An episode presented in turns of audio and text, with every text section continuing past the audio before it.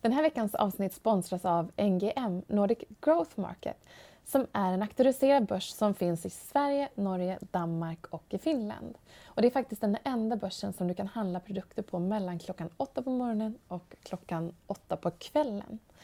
Det är ett helägt dotterbolag som ägs av Börse Stuttgart och det är Tysklands största marknadsplats för privata investeringar. Om du å andra sidan är ett bolag som vill expandera till en ny marknad, finansiera ett nytt projekt eller göra ett förvärv, då kan en börsnotering vara något för dig.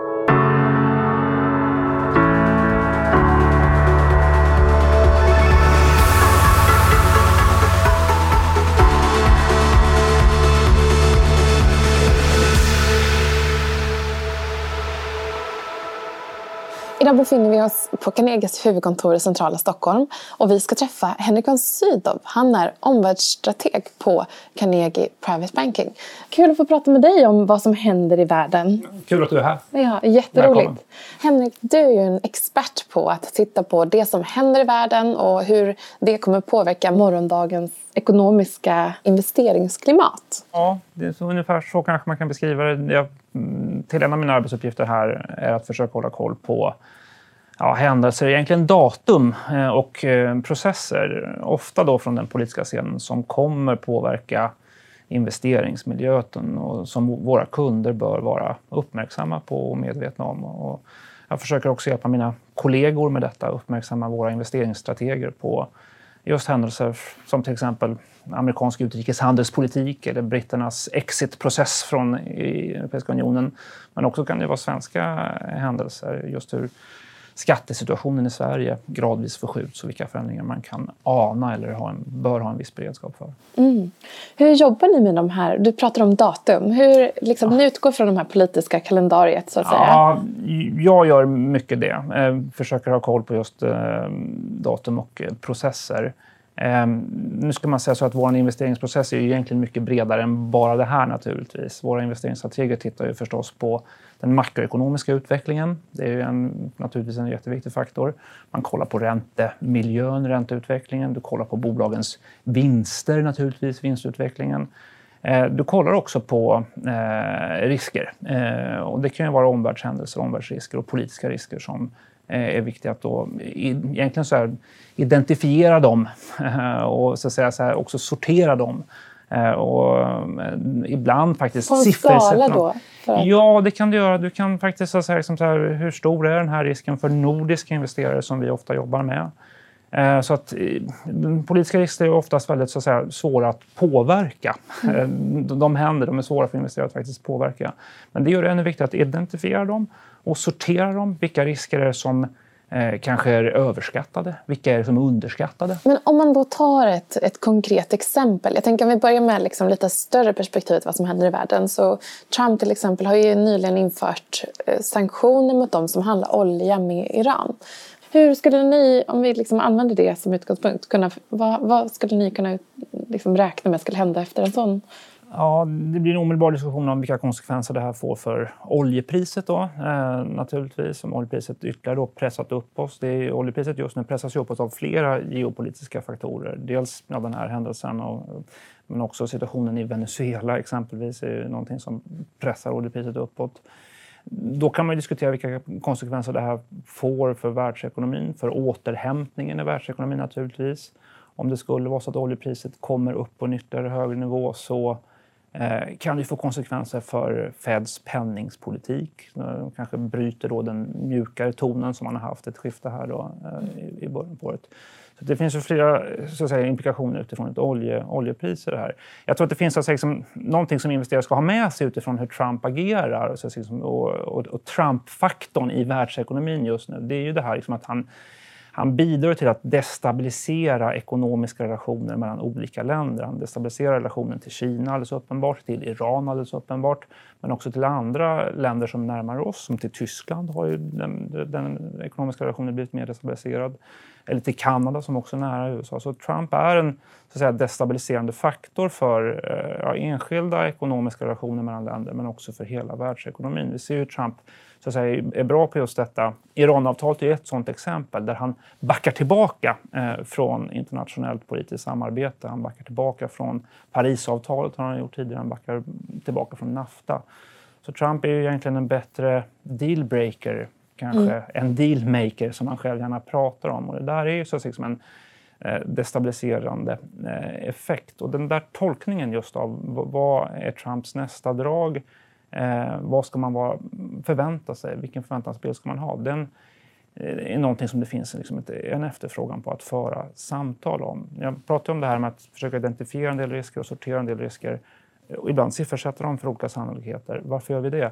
Jo, det är mycket för att faktiskt starta samtalet eh, med investeraren som ökar kunskaper om de här geopolitiska riskerna och geopolitiska processerna som, som kan påverka då både makroekonomi och investeringsklimat. Så mm. det är viktigt liksom att föra samtalet. Det gör jag mm. både med våra investeringsstrateger här i huset eh, men också våra kunder eh, mm. som, som har ett behov av att lära sig mer om de här faktorerna i en bred investeringsprocess som handlar om många olika faktorer. Men det här är en sådan och som kanske blivit Ja, politiken kanske är mer mitt i marknaden nu än vad den har varit tidigare. Titta på Trump. Nästan varenda dag så, är det så, att säga, så finns eh, amerikansk utrikespolitik eller amerikansk utrikeshandelspolitik i marknaden på olika sätt och påverkar just då oljepriset och påverkar förstås valutorna men också så att säga, ibland olika sektorer och olika branscher. Amerikanska läkemedelsbolag har ju varit under stort tryck eh, nu senaste veckorna igen då, utifrån olika politiska utspel som handlar om att reglera priserna där. Så att mm. Eh, politik finns mer i marknaden än vad det har varit kanske tidigare. Då.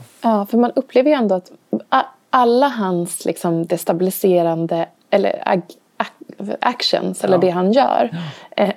är ju egentligen ofta kopplat till att han vill han vill fokusera på den egna marknaden, alltså inhemska marknaden. Alltså jag tänker i förhållande till externa parter eller murar eller...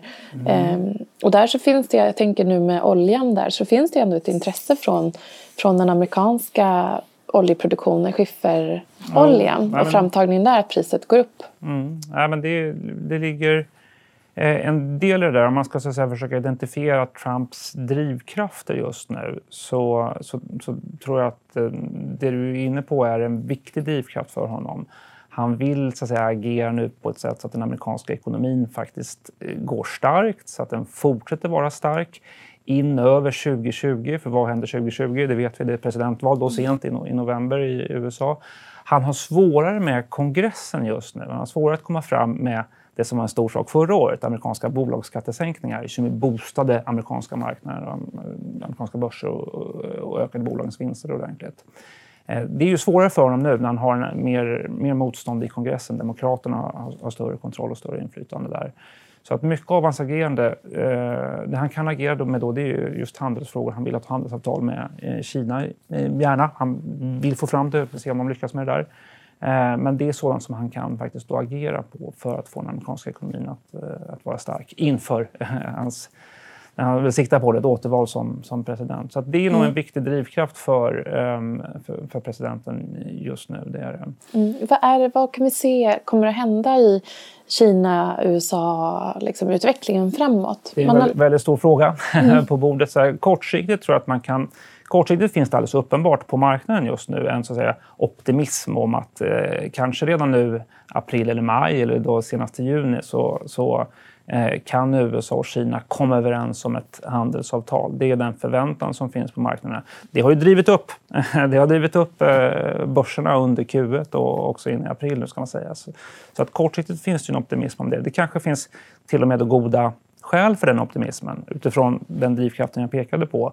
Att både Trump och också Xi i, i Kina, de har inhemska intressen av att, så att säga, inte låta um, handelsfriktion dämpa den egna ekonomin. Du har precis så, varit uh, ja, i Kina. Precis. Så eh, det, det, det, hur skriver inhemsk media om, om det här? Det ska man vara försiktig med då, eh, och läsa inhemsk media. Men, men jag, tror jag, jag träffade flera uh, inrikespolitiska analytiker och, och, kommentatorer då för också, det är egentligen utländska journalister som försöker då följa amerikansk, eller kinesisk inrikespolitik. Det är uppenbart att Xi är pressad eh, dels av att det har varit eh, tecken på en avtagande tillväxt, en inbromsning i den inhemska kinesiska ekonomin, men också pressad av eh, handelsfriktionen. Och det har ju varit inte bara retorik om tullar, utan det har också varit en realitet med nya tullar från USA mot Kina. Så att det där har förmodligen pressat det kinesiska ledarskapet. Det har bidragit till att man nu har så att säga, stimulerat den inhemska ekonomin eh, mera. Och det skapar också drivkrafter för Xi att faktiskt då sätta ett eh, handelsavtal med Trump. Så kortsiktigt finns det skäl då för en viss optimism om att man lyckas sätta ett handelsavtal. Eh, kanske i maj, eh, möjligen i juni, möjligen tar det längre tid. Eh, jag tror att långsiktigt dock, det är en viktig insikt eh, för investerare, långsiktigt så, så kan man nog inte bortse från att det kommer vara så att säga, som en rivalitet, en, det kallas ibland för en era av strategisk rivalitet mellan USA och Kina. Mm. Och hur den strategiska rivaliteten kommer se ut, ja, är den på handelsfrågan? Möjligen att det fortsätter, fortsätter är så handelsdiskussioner och handelsfriktion. Men det kan ju, det är så många pekar på att det här kommer sprida sig till eh, techområdet så att säga. Att det, det är framförallt en kamp om framtidens eh, teknologier och att man vi pratar ibland om att eh, geopolitik kläs nu i termer av geoekonomi. Mm. Eh, att så att säga, som så här, marknaden blir ett slagfält i en strategisk rivalitet mellan USA och Kina eh, med just då tullar, med just sanktioner. Eh, också möjligen skattelagstiftning som en del i detta. Ehm, eh, men också att man pratar om geoteknologi. Ehm, att det kommer vara ett ökat fokus på patenträttigheter, och på, på eh, kontroll över det som är framtidens teknologier. Mm. Du har i olika forum och medier pratat om att man på olika sätt ser att globaliseringen dras tillbaka. På vilka olika sätt påverkar det här investeringar och på vilket sätt ser du att det händer? Ja, att den, eh, finns, man kan prata om deglobalisering egentligen. Att globaliseringen går både framåt och bakåt. Eh, och det där är ju eh, så att säga, en, en, det bryter egentligen en trend med tilltagande globalisering som vi har haft de senaste, ja, sen 90-talets eh, början egentligen. Eh, nu är det mer så att eh, man ser ju, eh, just att geopolitiken då faktiskt reser sig. Det är en tydlig motkraft till, till globalisering med fler hinder då för, för fria flöden av, av kapital och, och tjänster. Så det där är, jag tycker att det är någonting nytt som vi ser. Mycket av detta kommer faktiskt då från världens största ekonomi, USA, mm. och just Trump-administrationen då faktiskt. Handelsfrågan är en sådan, sanktionerna en annan sådan. Eh, jag skulle säga att också amerikansk skattelagstiftning, som vi också då nämnde, är en tredje sådan som, som då syftar mer till att, så att säga, ta hem amerikanska vinster i detta. Så det finns så att säga, en ekonomisk naturalism i många stora ekonomier mm. som faktiskt så att säga, dämpar farten i globaliseringen. Man kan diskutera det här liksom om mm, vad det faktiskt är som händer med globaliseringen. Men i ett par avseenden så, så tappas tillväxttakten i internationell handel. Vi ser färre, eller en avtagande takt med internationella eller investeringar över gränser. Flera av de här ledande globaliseringsindikationerna går faktiskt bakåt. Det finns delar i globaliseringen som går framåt. Människor rör sig i, i större utsträckning. Data flödar friare i en större utsträckning och liknande.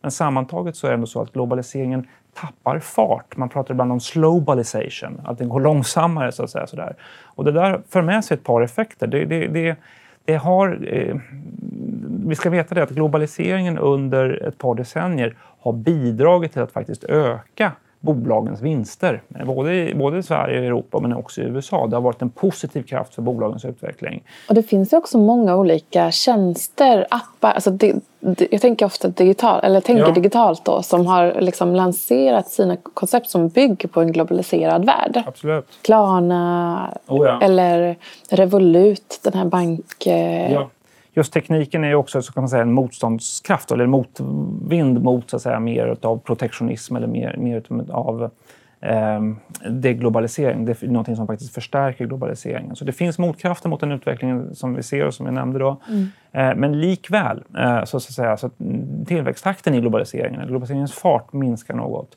Och det slår mot bolagens vinster.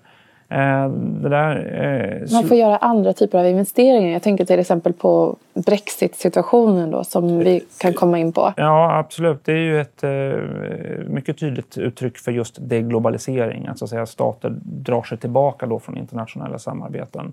Eh, och det här medför då kostnader.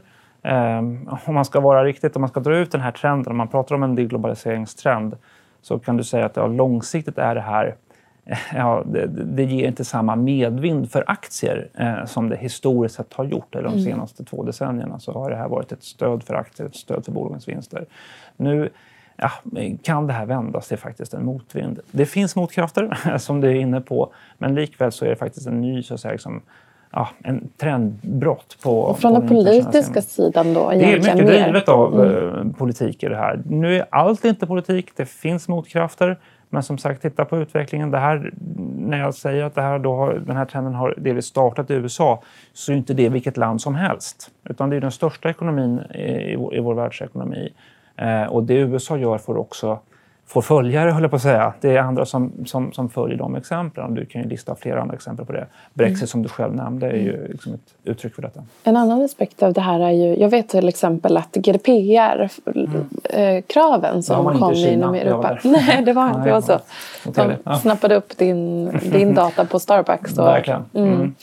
Eh, nej men där så i USA då efter GDPR-införandet i Europa så har de de har väldigt svårt att veta hur de ska kommunicera med de europeiska länderna när det kommer till marknadsföring och sådär. Mm. Att det är många bolag där som säger att ja, vi rör inte den för vi, de är rädda för att liksom mm. mindre bolag som kanske inte har de liksom, starka resurserna att lägga. Mm. Så det är också en, en typ av det eh, tillsammans med... Så Även säga, för data, så att säga. Verkligen. Och skälet till att man är, eh, kan vara försiktig i just det exemplet vet jag då att där, finns det ju betydande sanktionsavgifter också som bestäms av europeiska myndigheter.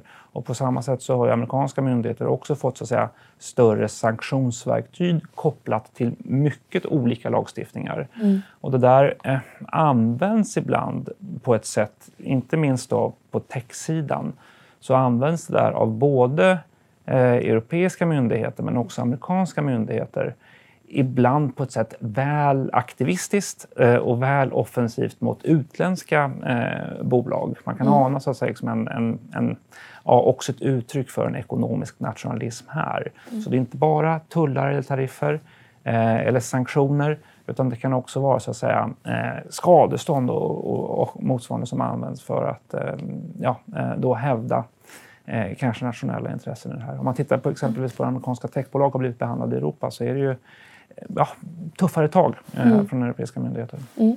Om vi då går tillbaka till Brexit-frågan så är det absolut så att Theresa May befinner sig i en knivig situation får man väl säga. Ja. Mycket besvärlig, verkligen. Alltså. Men vad är det egentligen man kan räkna med kommer att hända? Och vad, kan vi, vad tänker du där med ditt perspektiv? Liksom, vad, vad är sannolikt? Ja, det, vad, vad är sannolikt i detta? Det, Eh, det vi vet nu då är att vi eh, har fått mer tid. De här deadlinen som har varit flyttas ju återkommande framåt. Då, så nu är det 31 oktober, halloween-helgen mm. ungefär, som är det datum som gäller. Eh, det jag tycker är viktigt att titta på under den här perioden är vad händer faktiskt på marken? Det kommer vara fortsatt mycket politisk noise och mycket rubriker kring det här.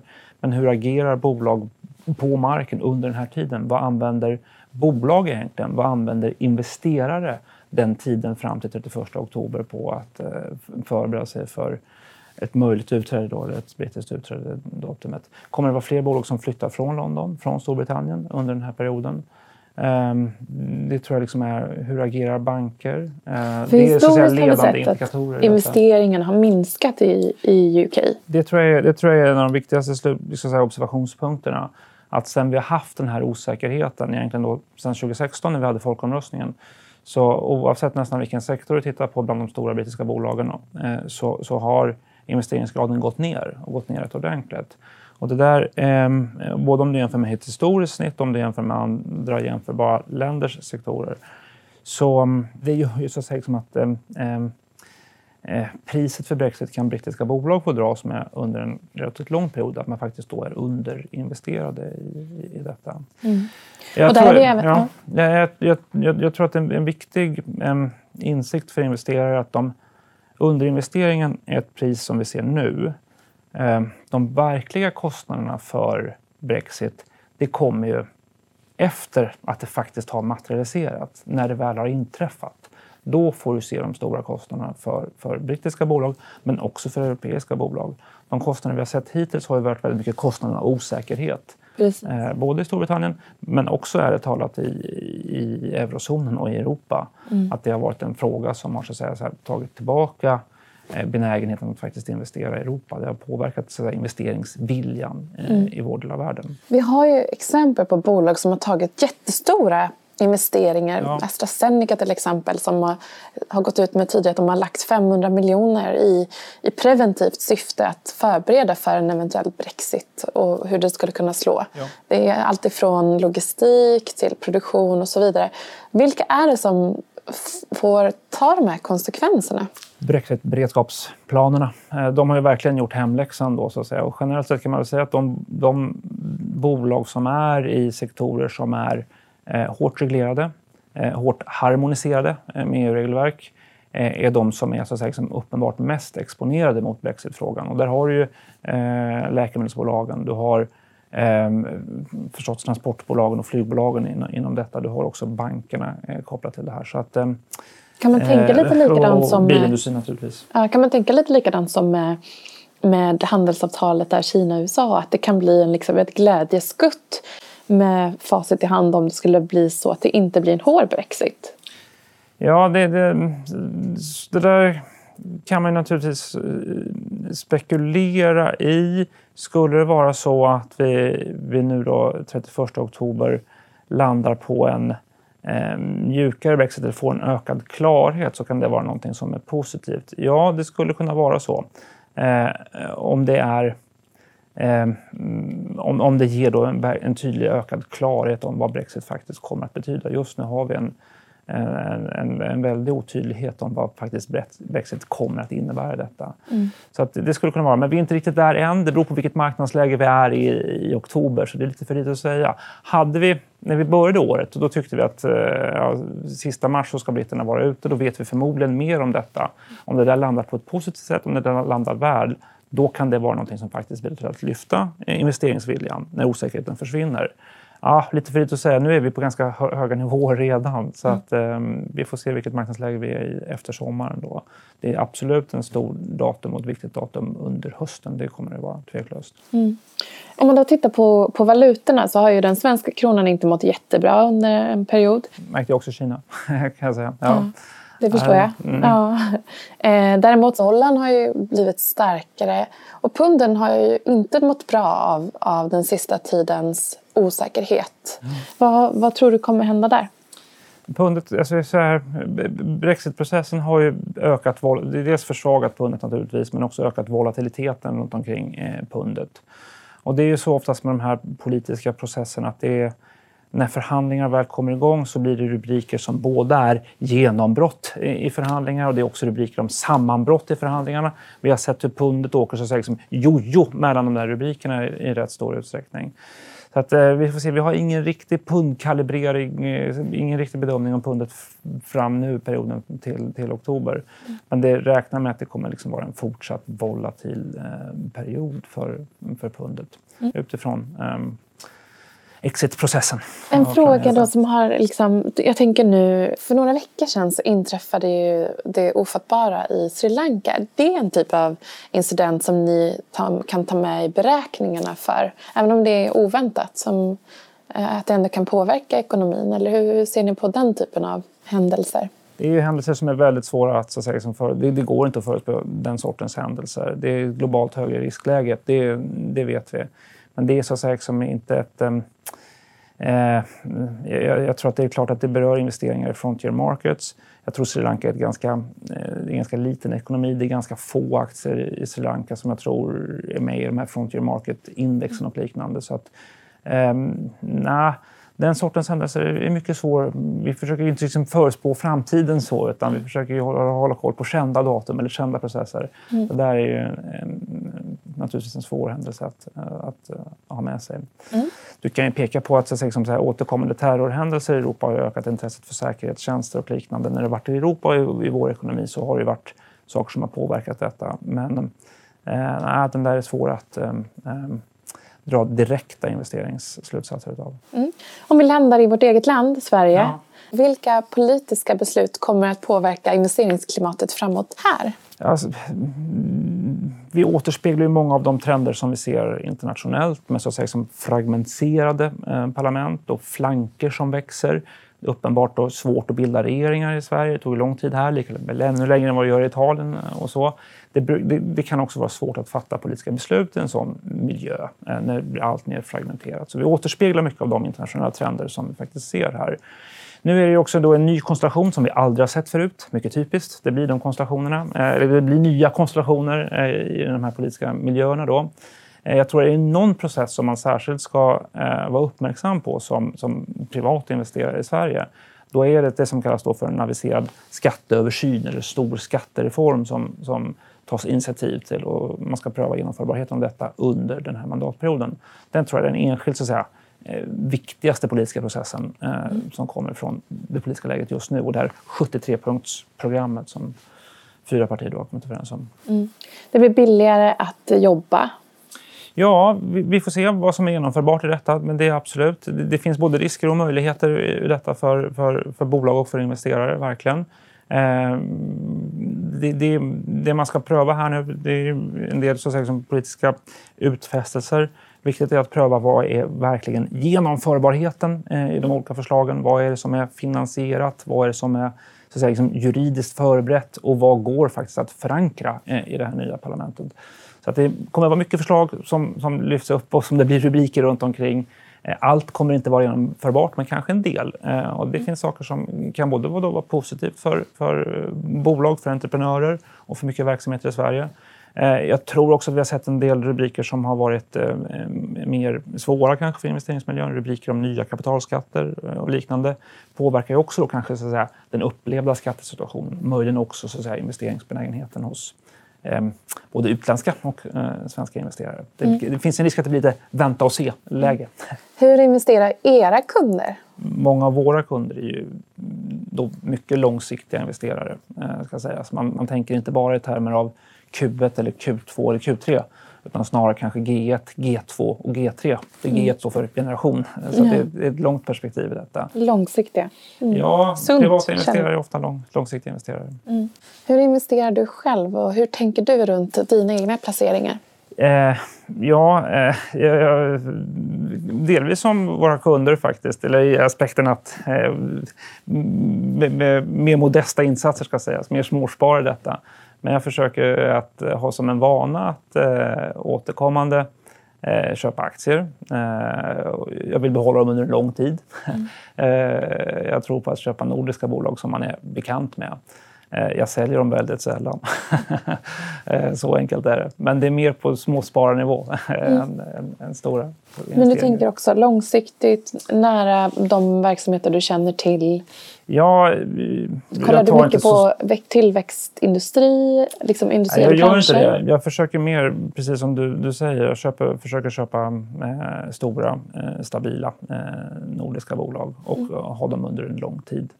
Sen gör jag fler saker än bara köper eh, aktier. Jag amorterar också och köper eh, fonder. Mm. Så att det är, det är ingen stor dramatik i mitt eget investerande. Eh, jag förstår ju att den europeiska marknaden ligger närmast den nordiska investeraren om man liksom mm. ska tänka utanför Sverige. Mm. Men om man då skulle krydda portföljen och titta på någonting som kanske ligger lite längre bort som har stor potential. Vad skulle du föreslå där? Um Ja, om man vill ha en krydda i detta så kan det vara intressant att titta på, på eh, Sydamerika eh, och försöka hitta så att säga, investeringsbara länder i Sydamerika. Och här måste ja, man vara där räknar mycket, vi bort några där räknar man bort en hel del. Här måste man vara mycket selektiv. Men, men det, det är så att säga liksom en region i världen som ligger som inte är lika långt fram i konjunkturcykeln har, så att säga, liksom så här, som nu faktiskt accelererar och faktiskt tar, tar fart. Där tar faktiskt tillväxten fart, vilket gör det intressant. Mm. På samma sätt som du också har många positiva så att säga, grundläggande strukturtrender med det där. Du har klart växande så att säga, medelklass, eh, bra för inhemsk konsumtion. Du har en gynnsam demografi i, dem, eh, i den delen av världen. Vilket gör att eh, hittar man investeringsbara länder i, Sydamerika med fokus på inhemsk ekonomi så kan det absolut vara intressant. Även om vårt fokus då är i huvudsak nordiska aktier. Henrik, stort tack för att vi fick komma hit och prata om hur politiken påverkar investeringarna faktiskt framåt. Kul att vara med. Kul. Jätteintressant. Ja, tack så mycket. Ja, vi får ta en uppföljning längre fram. Absolut, det gör vi.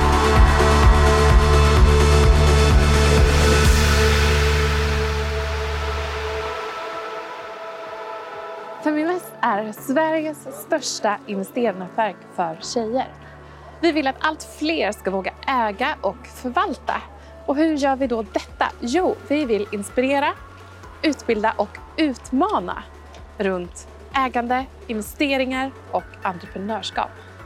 Följ Feminvest på våra kanaler Facebook, Instagram, Youtube. Varje vecka så kommer vi även ut med en podd och du kan ju självklart även följa nyheterna som publiceras på Feminvest www.feminvest.nu. Det är bara att söka på Feminvest på samtliga kanaler så hittar du till oss.